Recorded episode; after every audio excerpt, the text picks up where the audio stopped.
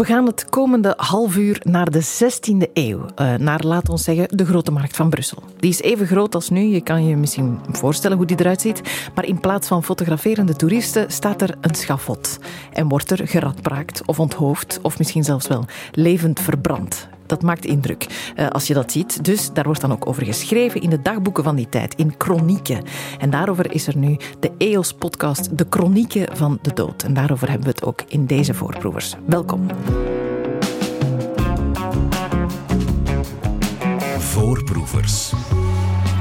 Isabel Kasteels, welkom. Ja, dankjewel. Uh, de Chronieken van de Dood, dat is de naam van de podcast die jij uh, samen met iemand anders gemaakt hebt. Klopt, ja, hè? klopt. Voor... Samen met uh, Anke Wagemans. Ja, ja, voor EOS Magazine. En je vertelt erin eigenlijk over je doctoraat. Ja. Je doet onderzoek naar executies in de 16e eeuw. die spectaculaire executies. Je ziet dat in elke film of elke serie die over die periode gaat.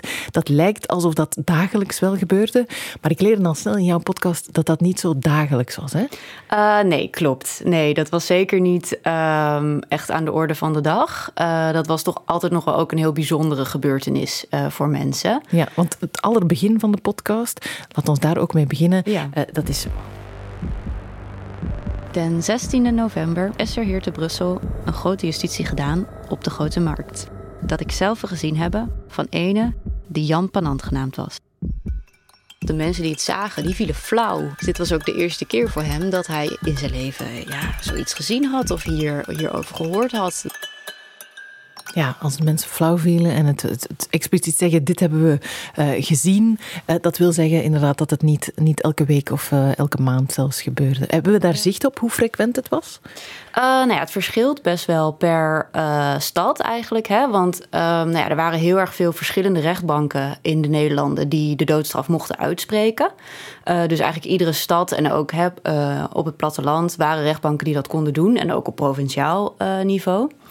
Um, dus ja, het is heel moeilijk om echt een heel algemeen beeld ervan te krijgen. Maar ik denk dat in de meeste grote steden was er ongeveer nou ja, één keer per maand, laten we zeggen, wel een uh, ja, justitiedag, zoals ze dat dan uh, soms ook noemen in, uh, in de chronieken. Dus ja, ik denk het is, hè, het gebeurde vaak genoeg om iedereen daar wel een keer ehm, ja, hè, bij aanwezig, dat iedereen er wel een keer bij aanwezig heeft kunnen zijn.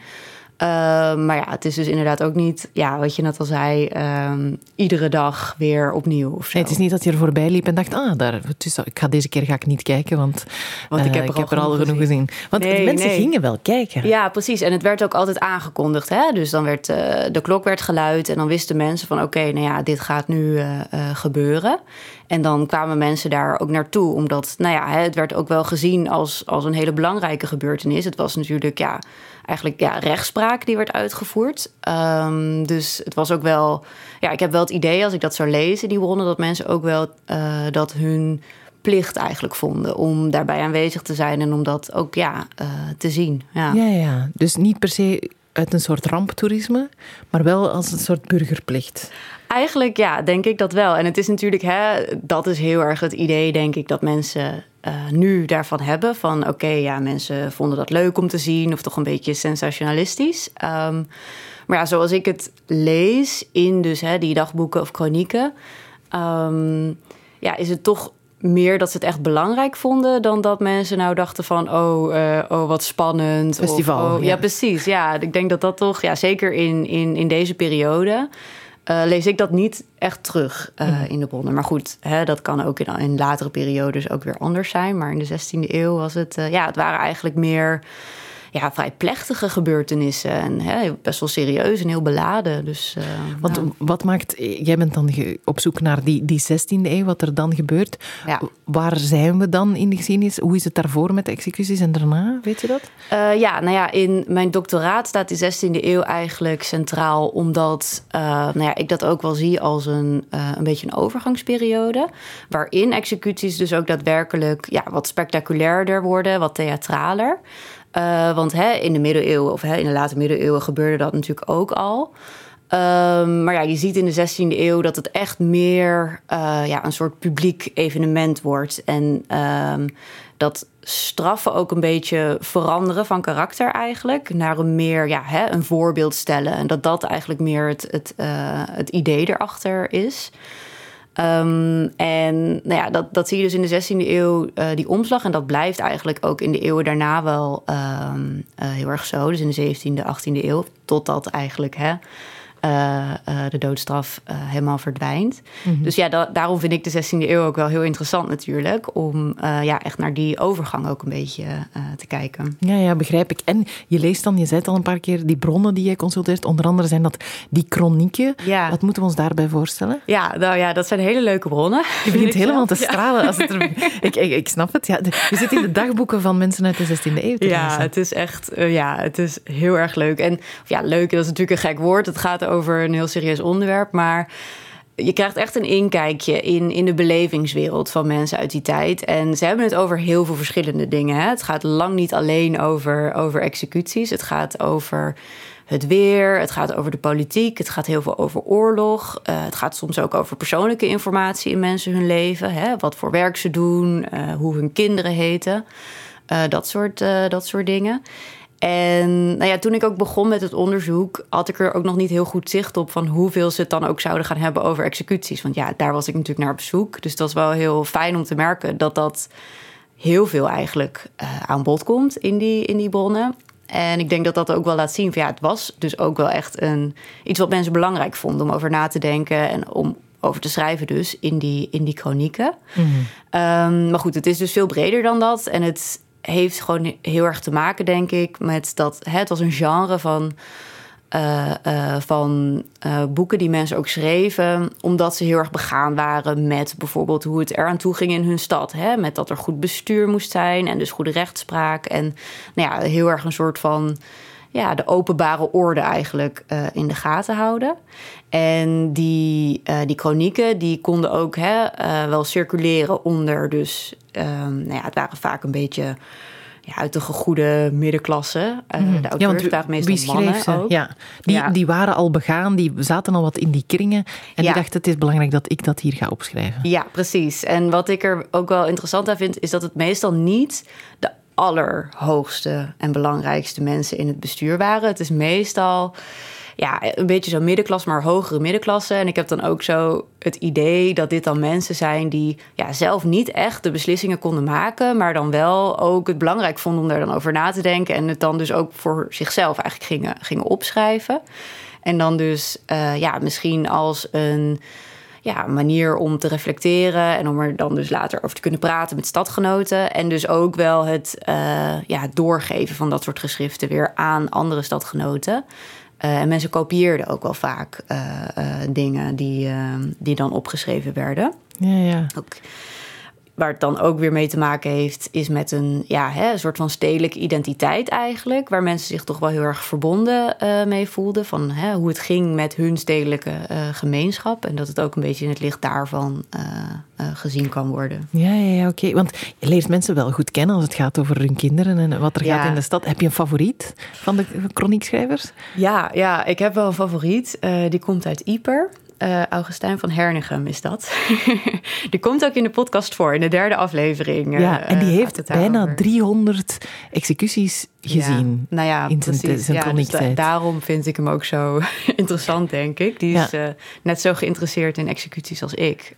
dus ja, dat, dat is toch ja, ik vind dat heel, heel bijzonder om te, om te lezen. En ook wat hij dus bijvoorbeeld doet. Hij, hij, hij begint ook met zijn chroniek en dan zegt hij dat ook expliciet. Hè? Zo van, nou ja, in deze chroniek ga ik alles uh, vertellen wat er gebeurt in, in Ieper. En ik ga alle justitie die dan, die dan hier in deze stad gedaan is, ga ik, uh, um, ga ik ja, uh, beschrijven. En dan, als je dus ook zijn chroniek uh, leest, zeg maar het manuscript, zie je ook dat hij bij elke chroniek heeft hij dan geteld, zeg maar in de kantlijn, van, nou ja, dit is de eerste de executie die ik heb gezien en dit is de tweede. En dat gaat dus door tot nummer, nou ja, volgens mij 287 of zo. Dus dat is ja. En over bijna 30 jaar beslaat dat ook um, zijn. Um, zijn geschriften. Dus uh, ja, dat ja, dan, is wel heel dan kom je wel wat gruwel ook tegen. Want Ja. het gaat, de, de, Ja. er zijn drie afleveringen en ze hebben elk een, eh, een type van executie eh, gekregen. We beginnen bij het radbraken. Veel mensen kennen dat woord, want we zeggen wel eens: ik ben geradbraakt. Maar sinds ik weet wat het is, zeg ik het nooit meer, denk ik. Dat het heeft toch een iets andere lading nu. Ja, het is niet van je hebt gesport en je hebt nogal veel spierpijn. Want wat gebeurt er als iemand geradbraakt wordt? Uh, ja, dan word je eigenlijk uh, ja, dus op een wiel of een rad uh, gelegd vastgebonden. En dan um, ja, komt de beul en die breekt dan de, botten in je lichaam met een, vaak een, een ja, ijzeren staaf. Um, en er hè, waren verschillende varia varianten eigenlijk daarvan. Ehm, bij sommige varianten werd je al uh, eigenlijk ter dood gebracht voordat dan hè, het pijnlijke deel van de bottenbreken uh, begon. Dat was dan de mildere variant. En dan bij de, um, ja, de heftigere variant werden dus eerst je botten gebroken en dan daarna pas ja, de genadeslag eigenlijk uh, gegeven. Mm. En dat kon dan met een, ja, een, een, een, slag op het hoofd of door het hart was dan het einde van, uh, van uh, de doodstraf. Dus uh, ja, het is. Dan snap ik dat mensen flauw vielen als ze dat zagen. Ja, gebeuren. nee, en het is van hè, inderdaad in die aflevering. wat ik zo interessant vond aan dat fragment. is ook dat die auteur heel erg zo beschrijft. dat het ook voor de eerste keer is eigenlijk in zijn leven. dat hij dan zoiets ziet. En dat hij inderdaad ook hè, de toeschouwers, de reactie daarop ook beschrijft. Want ik vind ook dat dat wel mooi aantoont van hè, dat dat dus niet iets heel normaals was voor, voor die mensen. Ook niet in die tijd. Het is niet alsof mensen dat daar helemaal aan gewend waren. Of hè, dat inderdaad, nou ja, wat we al zeiden, iedere dag uh, meemaakten of zo. Nee, dat was toen ook al wel een heel, uh, ja, hmm. gewoon heel heftig. Want weten we wel ook wat ze daarvan vonden? Als in, waren ze voor die, die executies of net niet? Nou ja, dat is ook een van de vragen die ik uh, in het proefschrift probeer te beantwoorden. Het is niet zo alsof er discussie bestond over het nut van de doodstraf, zeg maar in het algemeen. Dat was wel gewoon, ja. Dat hoort erbij. Dat Als je iets echt slecht doet, dan, dan is dat wat er gebeurt. Precies.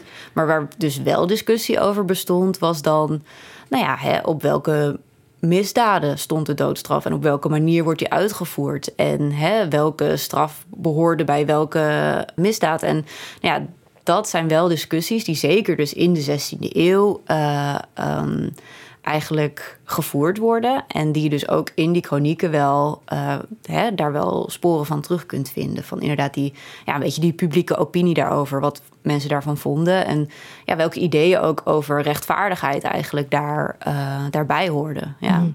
En het publiek van zijn executie had ook wel een rol in het. Ze protesteerden ook wel eens uh, tegen wat er gebeurde. Het moest ook wel op een humane manier gebeuren soms. Of, daar, daar hebben we het zo meteen nog over. Maar bijvoorbeeld in Antwerpen ook was er ooit stevig protest dan tegen één specifieke beul. Daar gaat het ook over in de podcast. Ja. Meester Gelijn. Ja. Meester Gelijn die krijgt een eigen aflevering in de Chronieken van de Dood podcast.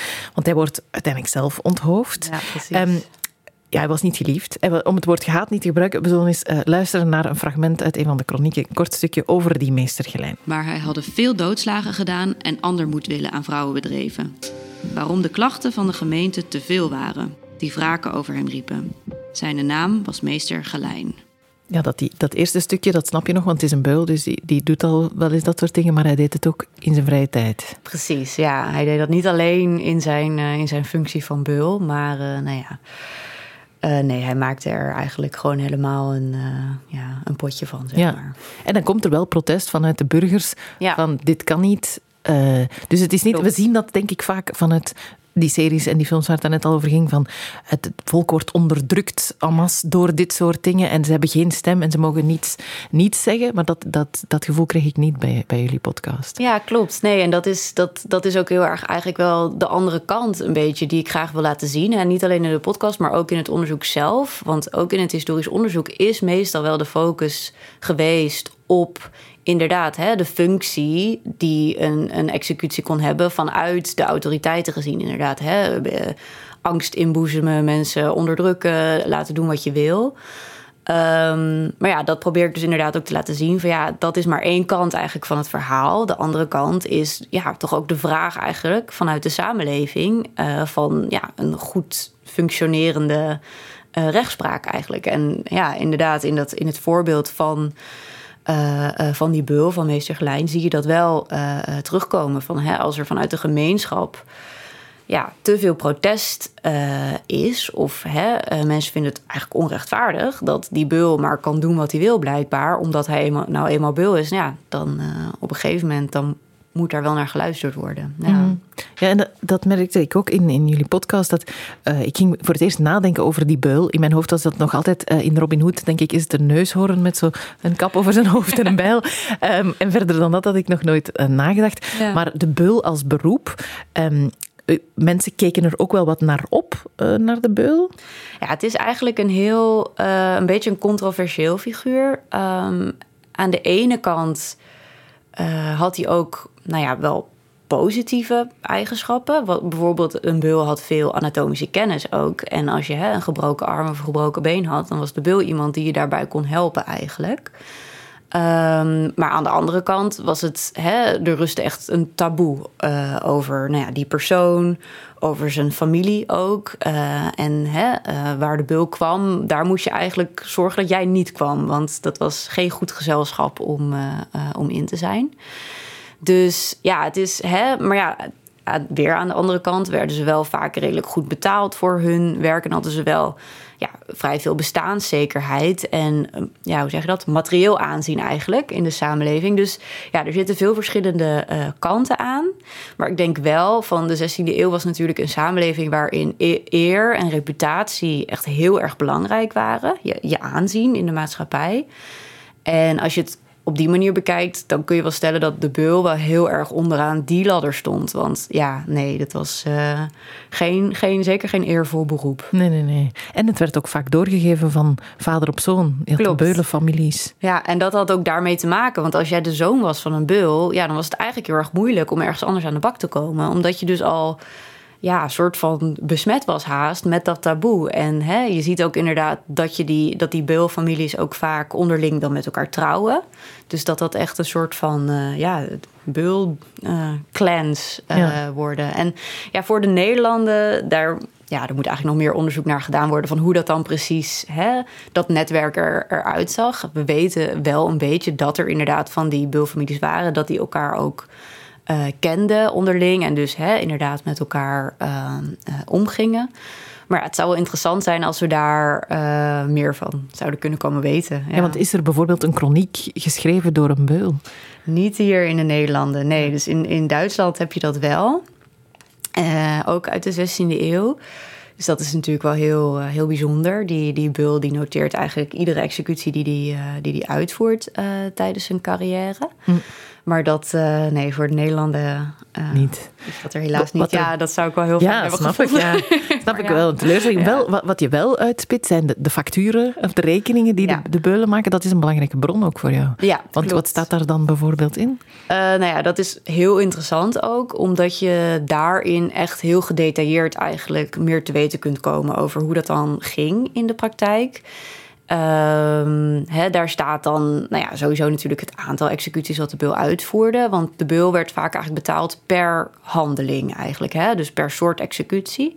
Dus je kunt dan ook uh, zien nou ja, hoeveel van de ene soort executie en hoeveel van de andere soort. Of daar een verschil tussen was van, uh, qua prijs. Nou ja, dat is dus inderdaad zo. Bijvoorbeeld een uh, verbranding was duurder dan een onthoofding. Want ja, daar kwam meer bij kijken. Dat duurde langer en meer ja, ritueel eigenlijk ook wat daar omheen uh, uh, hangt.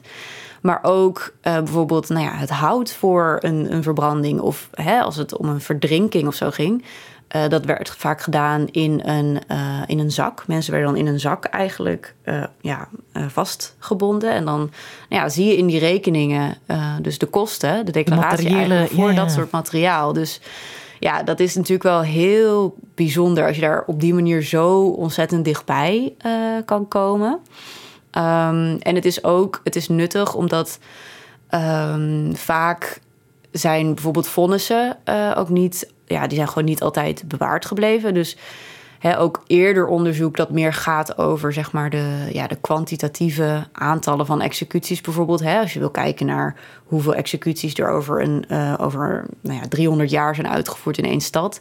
Dat kun je eigenlijk dan beter doen op basis van die rekeningen dan op basis echt van de, van de vonnissen omdat daar ja, die rekeningen weerspiegelen dan toch wat meer ook de praktijk. Omdat dat echt ja, pas nadat die beul dat uh, heeft gedaan, die declaratie wordt, wordt inge, ingediend. Ja, ja, ja. ja, het is echt een hele wereld op zich. De beulenwereld zou eigenlijk een eigen podcast nog, ja. nog kunnen zijn. Want, Misschien een spin-off. Ja, waar, waar, je ook niet over nadenkt, is dat die dat ook wel ergens moeten leren. Iemand in een zak verdrinken. Ja, goed maar dat ik niet zou weten hoe ik er moet aan beginnen. Uh, daar heb je ook een fragment dat je voorleest in de podcast. In deze streken is een zeer groot aantal beulen die door de overheid worden aangesteld. Zij leren hun beroep met nauwlettende zorg en oefenen zich in het afhouden van hoofden op leme poppen. Na een zorgvuldige opleiding worden zij aan een examen onderworpen en op de dag dat er een terechtstelling plaats zal hebben, hebben zij zich daarmee te belasten. Met dien verstande dat zij den veroordeelde met één slag het hoofd moeten afslaan. Ja, dat, het wordt wel heel concreet als, je, als het gaat over hoeveel hout iemand nodig heeft om, om iemand terecht te stellen of hoe ze opgeleid worden om dat te doen. Uh, dan krijgen die woorden plots veel meer betekenis. Ik kan me voorstellen dat het voor jou helemaal zo is. Ja, zeker. Ja, het is, ja, wat ik zeg, het komt gewoon heel erg dichtbij dan. Om er echt op die manier naar te kijken. En uh, ja, om je, ja, daar dan ook haast in te kunnen verplaatsen eigenlijk. Ja, want is er evenveel geweten over uh, de patiënten, want zo werden ze genoemd, mm -hmm. de geëxecuteerden worden ja. patiënten genoemd. Uh, weten we daar ook uh, dingen over? Ja, zeker. Um, mijn onderzoek gaat dan eigenlijk specifiek echt over de straffen, over de executies zelf. Maar er zijn natuurlijk ook wel historici die zich dan meer bezighouden met uh, echt misdaad, met criminaliteit in het verleden. En ja, dat gaat ook heel erg vaak over dan het sociale profiel bijvoorbeeld van dus mensen die in het rechtssysteem eigenlijk, of daarmee in aanraking komen en uh, nou ja, uiteindelijk dus wat voor straf dan ook uh, krijgen. Dus ja, het is, het is voor mij niet per se de focus van mijn onderzoek. Maar ja, het komt wel natuurlijk heel erg erin naar voren. En zeker in hè, de periode die ik voor mijn doctoraat bestudeer. Dat is nu niet in de podcast heel erg naar voren gekomen. Maar dan hè, het thema eigenlijk is ook heel erg ketterij op dat moment. Dus religieuze executies. Dus ja, dat staat heel erg in het teken natuurlijk ook van de reformatie en hè, van het protestantisme dat opkomt. Dus in ja, in het kader van dat thema, um, ja, is dat natuurlijk heel belangrijk ook wel om, om goed zo'n executie te kunnen begrijpen. Van hè, uh, oké, maar waarom worden die mensen dan geëxecuteerd en waarom wordt dan de ene misdaad gezien als iets waar de doodstraf op moet staan en een andere misdaad eigenlijk niet? En ja komt ja. het zo een beetje samen. En dan ook nog de gradaties van de executie. Want ja. de, de beste is dan de onthoofding. Of dat is, er is een soort trapladder ja. bijna toch van, van welke executie je kan krijgen. Hè? Klopt, ja. ja. Of de beste, de, ja, de meest eervolle of de minst oneervolle, laten we het zo zeggen. En ik denk ook de minst uh, ja, pijnlijke manier was inderdaad uh, de onthoofding. Ja, en dan... Um, ja, hè, bijvoorbeeld opgehangen worden, dat was dan veel oneervoller eigenlijk. Dat was meer dan van als je, hoe zeg je dat, een, uh, een, een, gewone dief, er is weinig eervols aan.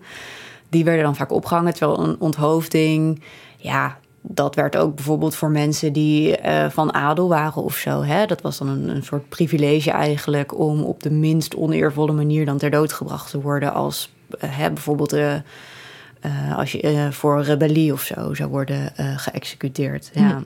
Er hangt ook een, een, bijna een etiket, etiketten aan vast hoe je geëxecuteerd moet worden. Enerzijds de methode, maar hoe je je moet gedragen. Ja. Daar werd ook naar gekeken. Zeker. En dat, dat, daar gaat ja. het ook over in de chroniek. Hè? Want hoe was een, een goede manier om je te laten executeren? Nou, dat is wel interessant hoor. Want ik heb vaak het idee dat het voor dus, hè, de mensen die die executies beschrijven, dus voor de chroniekschrijvers, is dat eigenlijk een van de belangrijkste dingen. En dat is ook omdat er in de 16e eeuw, uh, en dat was niet alleen met executies, maar eigenlijk met doodgaan in het algemeen, waren ja, hele ja, sterk gedefinieerde normen eigenlijk voor van hoe je dat op een goede manier moet doen.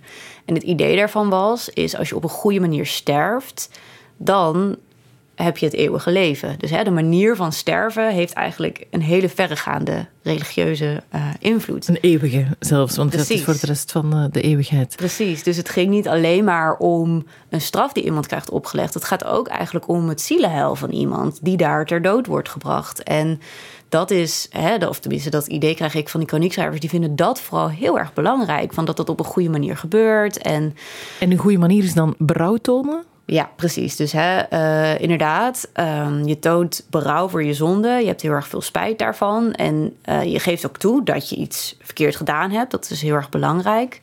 Uh, en je, um, je biecht ook, hè, je doet de biecht met een, met een priester. Die zijn er ook bij aanwezig op het moment zelf. zodat je dus ja, dan helemaal eigenlijk gezuiverd van je zonde, van je misdaden, uh, de dood tegemoet kan gaan. Ja, dus niet om nog maar eens bij die films terug te komen, schreeuwend uh, dat ze jou moeten vastbinden op die, die paal die dan verbrand wordt. En nee. uh, blijven zeggen: Ik heb niks gedaan. Dat, ja, dat, dat nee. was dan de ergste soort. Nou ja, dat gebeurde ook wel eens natuurlijk. Maar als dat gebeurde, dan merk je wel ook in de manier waarop daarover wordt geschreven door chroniekschrijvers. Ja, dat het ten eerste wel uitzonderlijk was. En ten tweede dat ze dat ook heel erg vinden. Omdat ze dan denken: van ja doe dat nou niet. Want hè, dit, hier heb je eigenlijk alleen maar nog later last van, zeg maar. Dat, dat een beetje dat idee Dubbel erg, want en je wordt geëxecuteerd en je, je ziel is verloren. Ja. ja, precies. Dus uh, ja, nee, en ik was uh, wel een leuk voorbeeld misschien. Ik was uh, nu van de week bezig met een hoofdstuk en daar had ik een chroniekschrijver en die beschrijft ook een beetje dat dit dan gebeurt. Dat zijn twee best wel jonge uh, um, veroordeelden. En die krijgen in eerste instantie dus eigenlijk niet de doodstraf. Die hebben iets gestolen en die worden dan veroordeeld voor het afhakken van een hand, geloof ik. Of een afsnijden van een oor, een van die uh, uh, dingen. En die gedragen zich dan niet op de goede manier. Die worden heel boos. Die zeggen van, nou ja, hè, nadat jullie dit gedaan hebben, we komen jullie halen. Eigenlijk, dat zeggen ze tegen dus de rechters en tegen de beul. Die beginnen zich heel erg uh, ja, te verzetten. En dan gaat eigenlijk die zaak gaat dus terug naar de, naar de rechters. En dan krijgen ze alsnog de doodstraf. Dus dan zie je van hoe ontzettend belangrijk dat wordt gevonden. Dat mensen zich wel ja, op de gepaste manier dan gedragen bij het ondergaan van die straf. En als je je dus niet aan die rol houdt, dat dat echt hele serieuze gevolgen heeft. ja waanzinnig interessant is het allemaal. Ik, ik snap dat je enthousiast wordt over je doctoraat. Wanneer moet je, hoe, hoe, ziet de toekomst van jouw doctoraat eruit? Zit je met deadlines dan ondertussen? Uh, ja, nou, ik ben dus nu uh, veel aan het schrijven. En ja, als het goed is, is dat over een jaar ongeveer uh, afgerond. Ja, dus, uh, dan kom je nog maar eens terug. Want ik kan me voorstellen dat we er nog een paar afleveringen over kunnen maken. Over ja, ja, heel graag. Ja. Dank je wel, Isabel Kasteels, om hier te zijn voor de podcast Chronieken van de Dood. Um, meer voorproevers vind je natuurlijk ook op VRT Max. En op elke podcast-app uh, vind je ook uh, die podcast. Dankjewel. Heel erg bedankt voor de uitnodiging.